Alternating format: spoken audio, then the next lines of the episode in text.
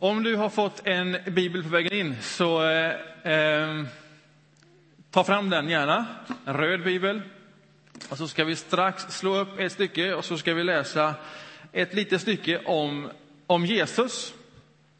Eh, innan vi gör det så vill jag bara säga de här orden. När man läser ett stycke om Jesus, eller av Jesus och det han säger, så kan man när man har läst det i olika stycken tänka att det här är, det här är extremt, det är annorlunda, det är extraordinärt. Det här är en kille som inte bara jobbar med nyanser utan som tar ut svängarna. Eh, som gör det jättemycket, både i det han säger och i det han gör, i under och i tecken. Och därför när man läser någonting om Jesus och reflekterar över det som vi ska göra nu så kan det vara så att man tänker det här är bara så annorlunda och av det skälet låter jag det passera. Eller det kan vara så att man tänker det här är så extraordinärt och förmodligen för extraordinära människor. Och en sån är inte jag. Och så låter man det passera. Så låt mig bara säga att, att allt detta extraordinära, som det är nu vi ska läsa, det är en del av Jesu pedagogik. Alltså, han säger någonting, han tar ut svängarna därför att han vill ha våra öron. Så när det är någonting som är sådär extra, lyssna då. Vad är det han säger till oss alldeles vanliga människor? Vad är det som gör att han tar i så väldigt så att man ska haja till och undra vad är det här? Vad är det han säger? En sån text ska vi läsa nu. Så ge Jesus en chans innan alla försvarsmekanismer drar igång. Matteus evangelium och kapitel 19. Och du har sidhänvisningen här på skärmarna. Matteus evangelium kapitel 19 och vers 16. Jag tror vi gör så vi står upp och läser detta.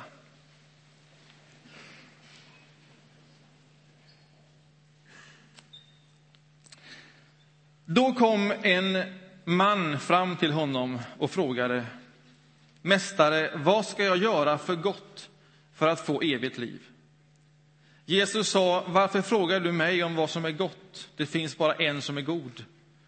Men vill du gå in i livet, så håll budorden. Vilka frågade han och Jesus svarade, dessa. Du ska inte dräpa, du ska inte begå äktenskapsbrott, du ska inte stjäla, du ska inte vittna falskt, visa aktning för din far och din mor och du ska älska din nästa som dig själv. Då sa den unge mannen, allt detta har jag hållit.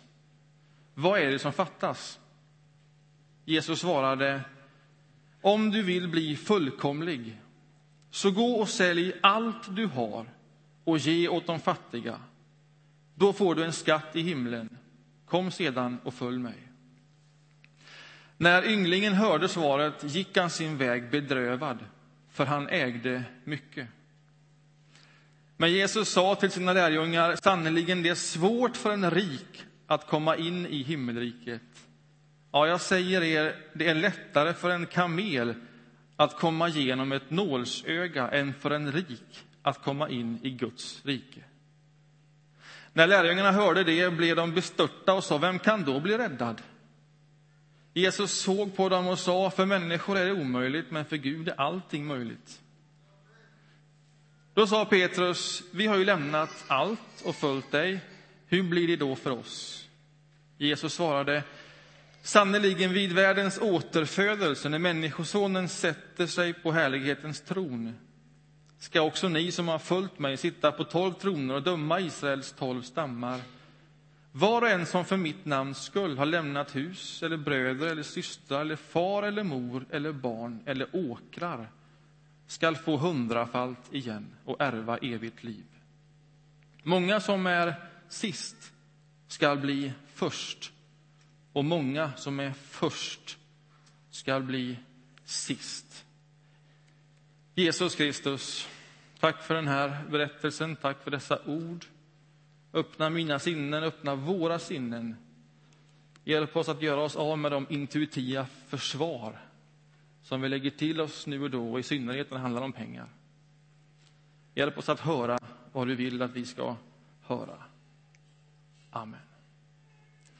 Varsågod och sitt.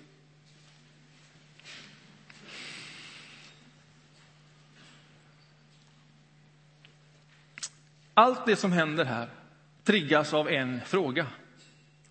Den frågan ställs av en ung man. Och den frågan är, vad ska jag göra för gott för att få evigt liv? Det är en fråga som betyder, vad ska jag addera till allt det jag redan gör för att få evigt liv? Vad ska jag lägga till på listan? Och så säger Jesus, håll buden. Ja, det gör jag redan. Jag lever ett gott liv på alla sätt. Både etiskt, moraliskt, religiöst, jag har mina vanor och mänskligt. Jag har det gott ställt ekonomiskt. Jättegott. Vad ska jag göra? Ja, för det tycks finnas ett bryderi hos den unge mannen, trots allt det han adderat av välsignelser och vanor och goda saker i sitt liv. Vad är det som fattas mig? är hans fråga. Och han kan inte komma på själv. Vad ska jag addera ytterligare för att det inte längre ska fattas mig detta eviga liv?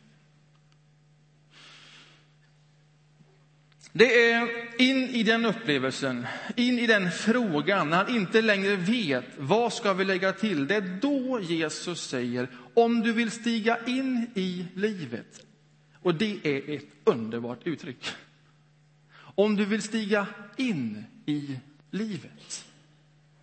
Om du vill göra det helt och fullt, hundra procent, fullkomligt om du vill stiga in i livet. Jag tänker mig att vad han säger till den unge mannen där och då, det är ungefär vad man kan säga till, eh, till unga musiker som lyssnade på Michael Ruff, på Nefertiti eller på Fasching eller på något annat ställe. Jag var en av dem, jag var aldrig musiker, men jag ville bli. Jag spelade luftgitarr framför spegeln och trummor. Som upplevde någonting alldeles fantastiskt där på de där ställena sent, som drogs in i en, en stor upplevelse av rytm och professionalism och hela den skapande upplevelsen. Och så satt man där och man var i detta alldeles, alldeles fantastiska. Och så är det som om någon skulle kunna säga, det här är bra, det här är jättebra. Men om du ska kliva in i detta helt och fullt, så ska du inte längre bara vara iakttagare, åskådare. Nej, då ska du stiga upp här och sätta dig bakom trummorna och ta gitarren och sjunga och vara del fullt ut, helt och hållet, hundra procent i det som sker. Det är det han säger till mannen. Om du vill in i livet och här är mycket som står på spel. In i livet.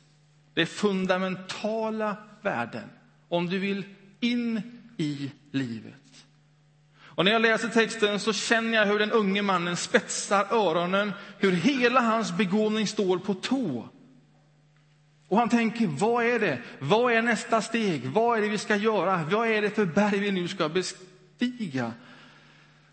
Och så säger Jesus, sälj allt du har, ge åt de fattiga, då får du en skatt i himlen. Följ mig. Och så går luften helt ur honom. Ett fullständigt antiklimax. Detta var det sista svaret av alla svar han hade väntat sig, förväntat och kanske önskat. Han kom in i frågeställningen vad ska jag ytterligare addera? Och svaret blir ett helt annat. Fullständigt annat. Och i nästa mening så försvinner mannen helt ur berättelsen. Sen hör vi ingenting mer omkring honom. Han försvinner ur berättelsen bedrövad. Och bedrövelsen förklaras i en kort kommentar. För han ägde mycket. För han ägde mycket. Vad är det som händer här? Den unge mannen, han möter en för honom helt ny ordning. Ett helt nytt sätt att se på livet. Ett helt nytt förhållningssätt. Något som är radikalt annorlunda än allting annat han liksom tagit till sig, förstått och gjort till hans liv so far. Och så möter han någonting helt annat som vänder upp och ner på alla hans begrepp. På hela hans erfarenhet. Och som jag tror fortfarande gör det när vi läser Jesus. Han vänder upp och ner på allt.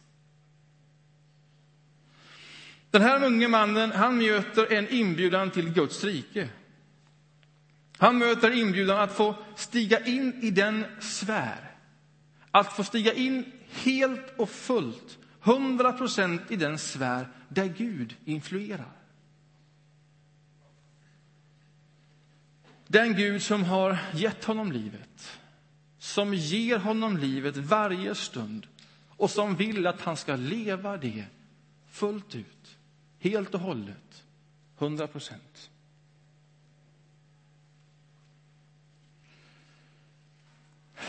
Han möter det och det var så fullständigt oväntat. Att gå in i livet, det handlade för honom om att addera ytterligare till allt han redan lagt till listan. Och så möter han en tvärtom hållning. Att gå in i livet handlar om offer. Att ta bort att avsäga sig.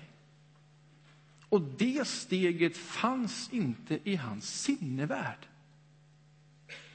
Jag menar, efter allt han kämpat och byggt upp och åstadkommit.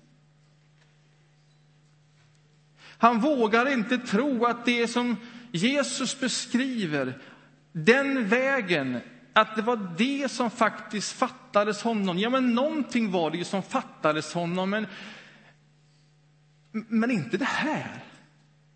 Att det var ett offer som var det som fattades honom. Det fanns liksom ingenting inuti honom att hänga upp det på. Och när han får de orden av Jesus så är som att de bara rasar ner. De har ingenstans att hänga. Därför att det var så fullständigt upp och ner. Och så oväntat. Och jag gissar att människan då, en ung man och en människa nu, en ung man eller kvinna, inte är så olika.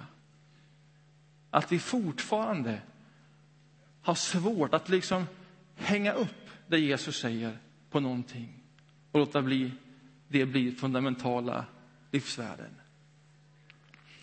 För vad är det Jesus är ute efter? Är det bara en provokation? Vill han bara klä av den unge mannen inför omgivningen? Ja, det är inte så snyggt, det han gör egentligen. Nej, han vill någonting mycket, mycket, mycket viktigare.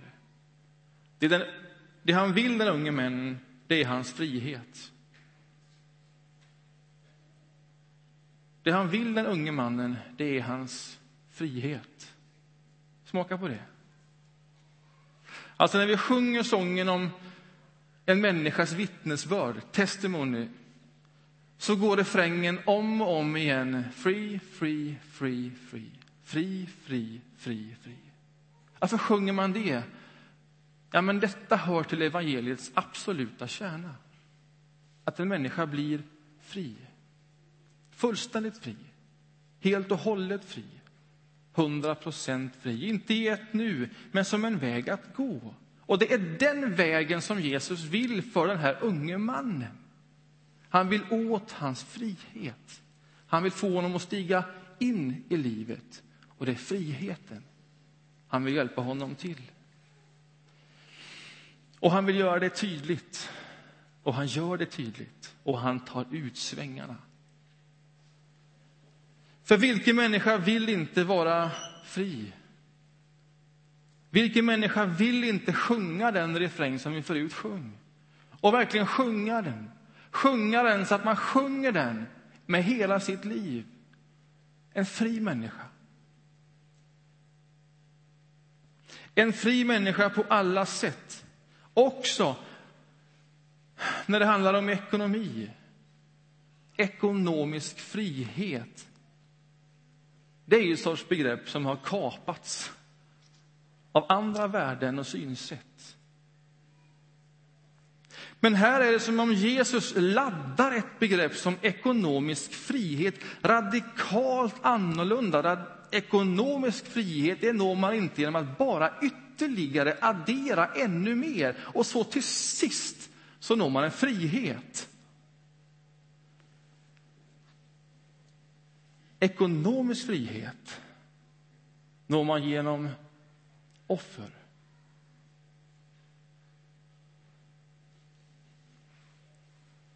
Så mäter man frihet i Guds rike. Och det är lika sådär obehagligt och svårt för oss. Det är lika lurigt för oss att hänga upp det liksom i vårt liv som det var för den mannen. Vi är fortfarande människor, vi har fortfarande samma typ av brottningskamper att föra på olika sätt.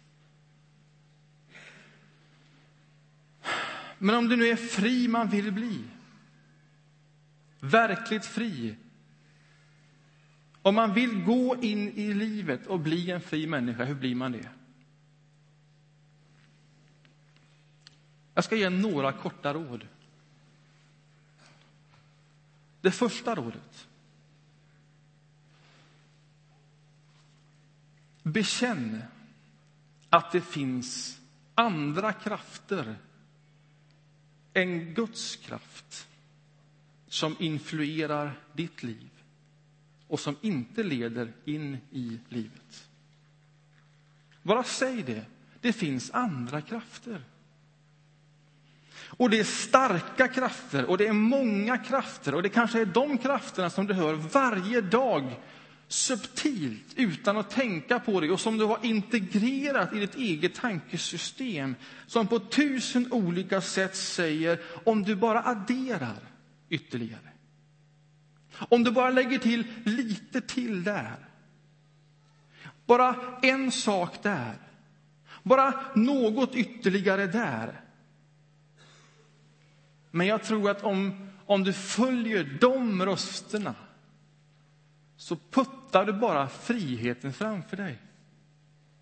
Hur du än arbetar så når du ändå aldrig hela vägen fram och kan säga och sjunga fri, fri, fri, fri. Du har den alltid framför dig. Det är en omöjlig väg om det är fri man vill vara. Om det är helt och hållet fri man vill vara. Det är svårt för en människa som är rik, säger Jesus när han reflekterar med lärjungarna, de som stod kvar. Det är svårt för en människa som är rik att komma in i Guds rike. Och så förmedlar han en bild där man förstår att han menar verkligen att det är svårt. Det är svårt, svårt. Kamel och nålsöga. Det är svårt för en rik människa att stiga in i livet. Och här får man nog säga att, att, att vi här alla kvalificerar in på den människa han talar om. Vi är rika, alla vi. Vi är rika, alla vi, de flesta av oss. Låt oss inse det. Och om det är ord om oss, att det är svårt för en rik människa, ja, men då behöver man bekänna, ja, det är alldeles uppenbart, jag bara ser på mitt eget liv, det är starka krafter som man brottas med. Bekänn att det finns krafter. Och när du har gjort det, sätt namn på dem. Vad är det för krafter? Vad säger de till dig? Om du hela tiden hör rösten addera, sätt namn på den rösten. Leder den till livet eller leder den från livet? Bekänn det, sätt namn på det. Och sen när du har gjort det, ja, man kommer inte hela vägen med mental kapacitet och viljekraft. Sen när du har gjort det, då ber du. Så kom en pappa med en ung pojk till Jesus, eller till lärjungarna. En demon slet och rev i honom. Och han bad lärjungarna att hjälpa till och förfria honom från den här demonen, den här kraften som han inte kunde liksom bemästra. Och så lyckas de inte med det.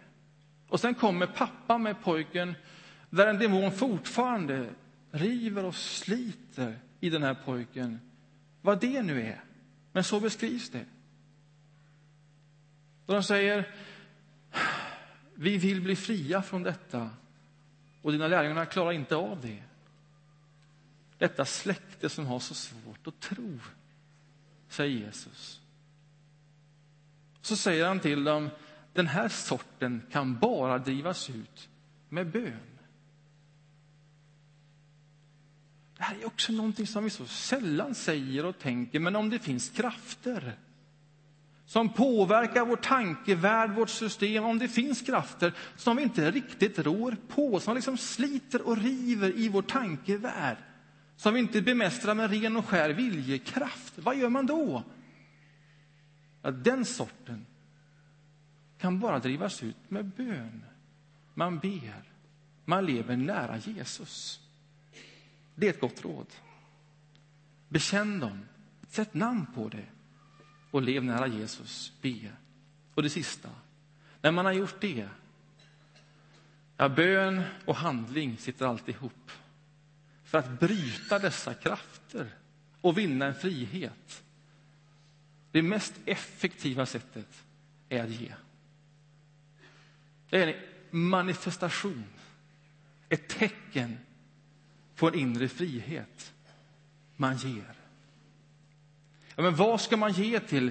Ja, men det går att leva ett helt liv i den diskussionen, hur mycket man ska ge och vad man ska ge till. Mitt råd är bara ge.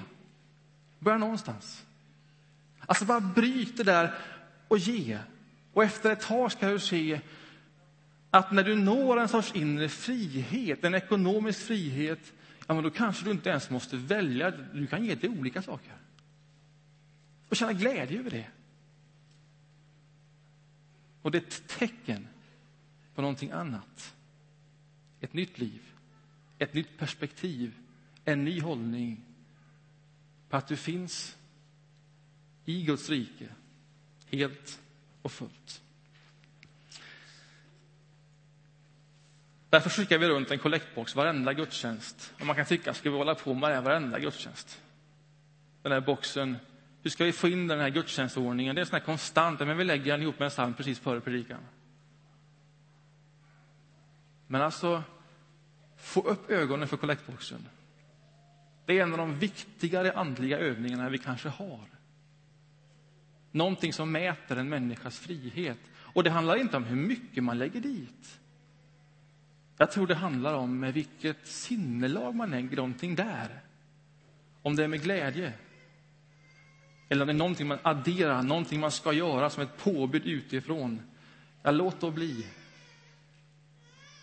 Men som ett tecken för din frihet är det en fantastisk andlig övning. Det ska vi göra nu? Vi som vill och du som vill. Vi gör det här en gång per termin. Vi kallar det för offergång. För att inte bara skicka runt den här boxen, utan att liksom lyfta det ett snäpp till och påminna oss om att det här är en viktig andlig övning. Så uppmuntrar vi varandra att gå mittgången fram, eller någon gång fram. Här finns två krukor här nere, där finns en där uppe.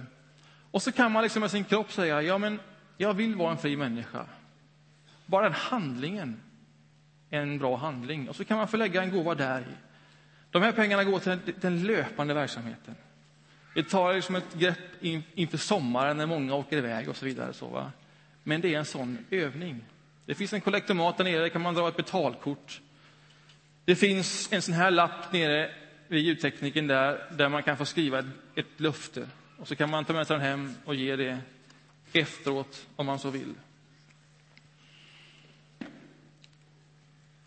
Det ska vi göra och samtidigt som vi gör det så ska du få ta emot bröd och vin. Nattvard.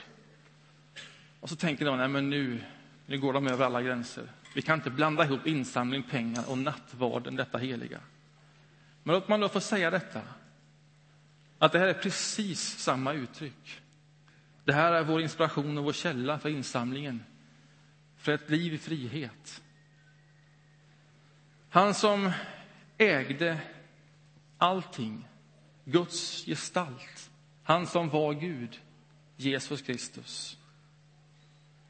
Det står om honom att han vakade inte över sin jämlikhet med Gud utan han avstod från allt. Och blev som en av oss och antog en tjänares gestalt och gjorde det och var det ödmjuk och lydig hela vägen ända till döden på ett kors. Det är hans väg. Det totala utgivandet. En fri människa, helt och hållet. Och därför har Gud upphöjt honom över allt annat. Därför ska varje knä böjas inför honom en dag och varje tunga bekänna han Herre, han är den som är fri. Helt fri. Och det är honom vi följer och det är han vi lär oss av.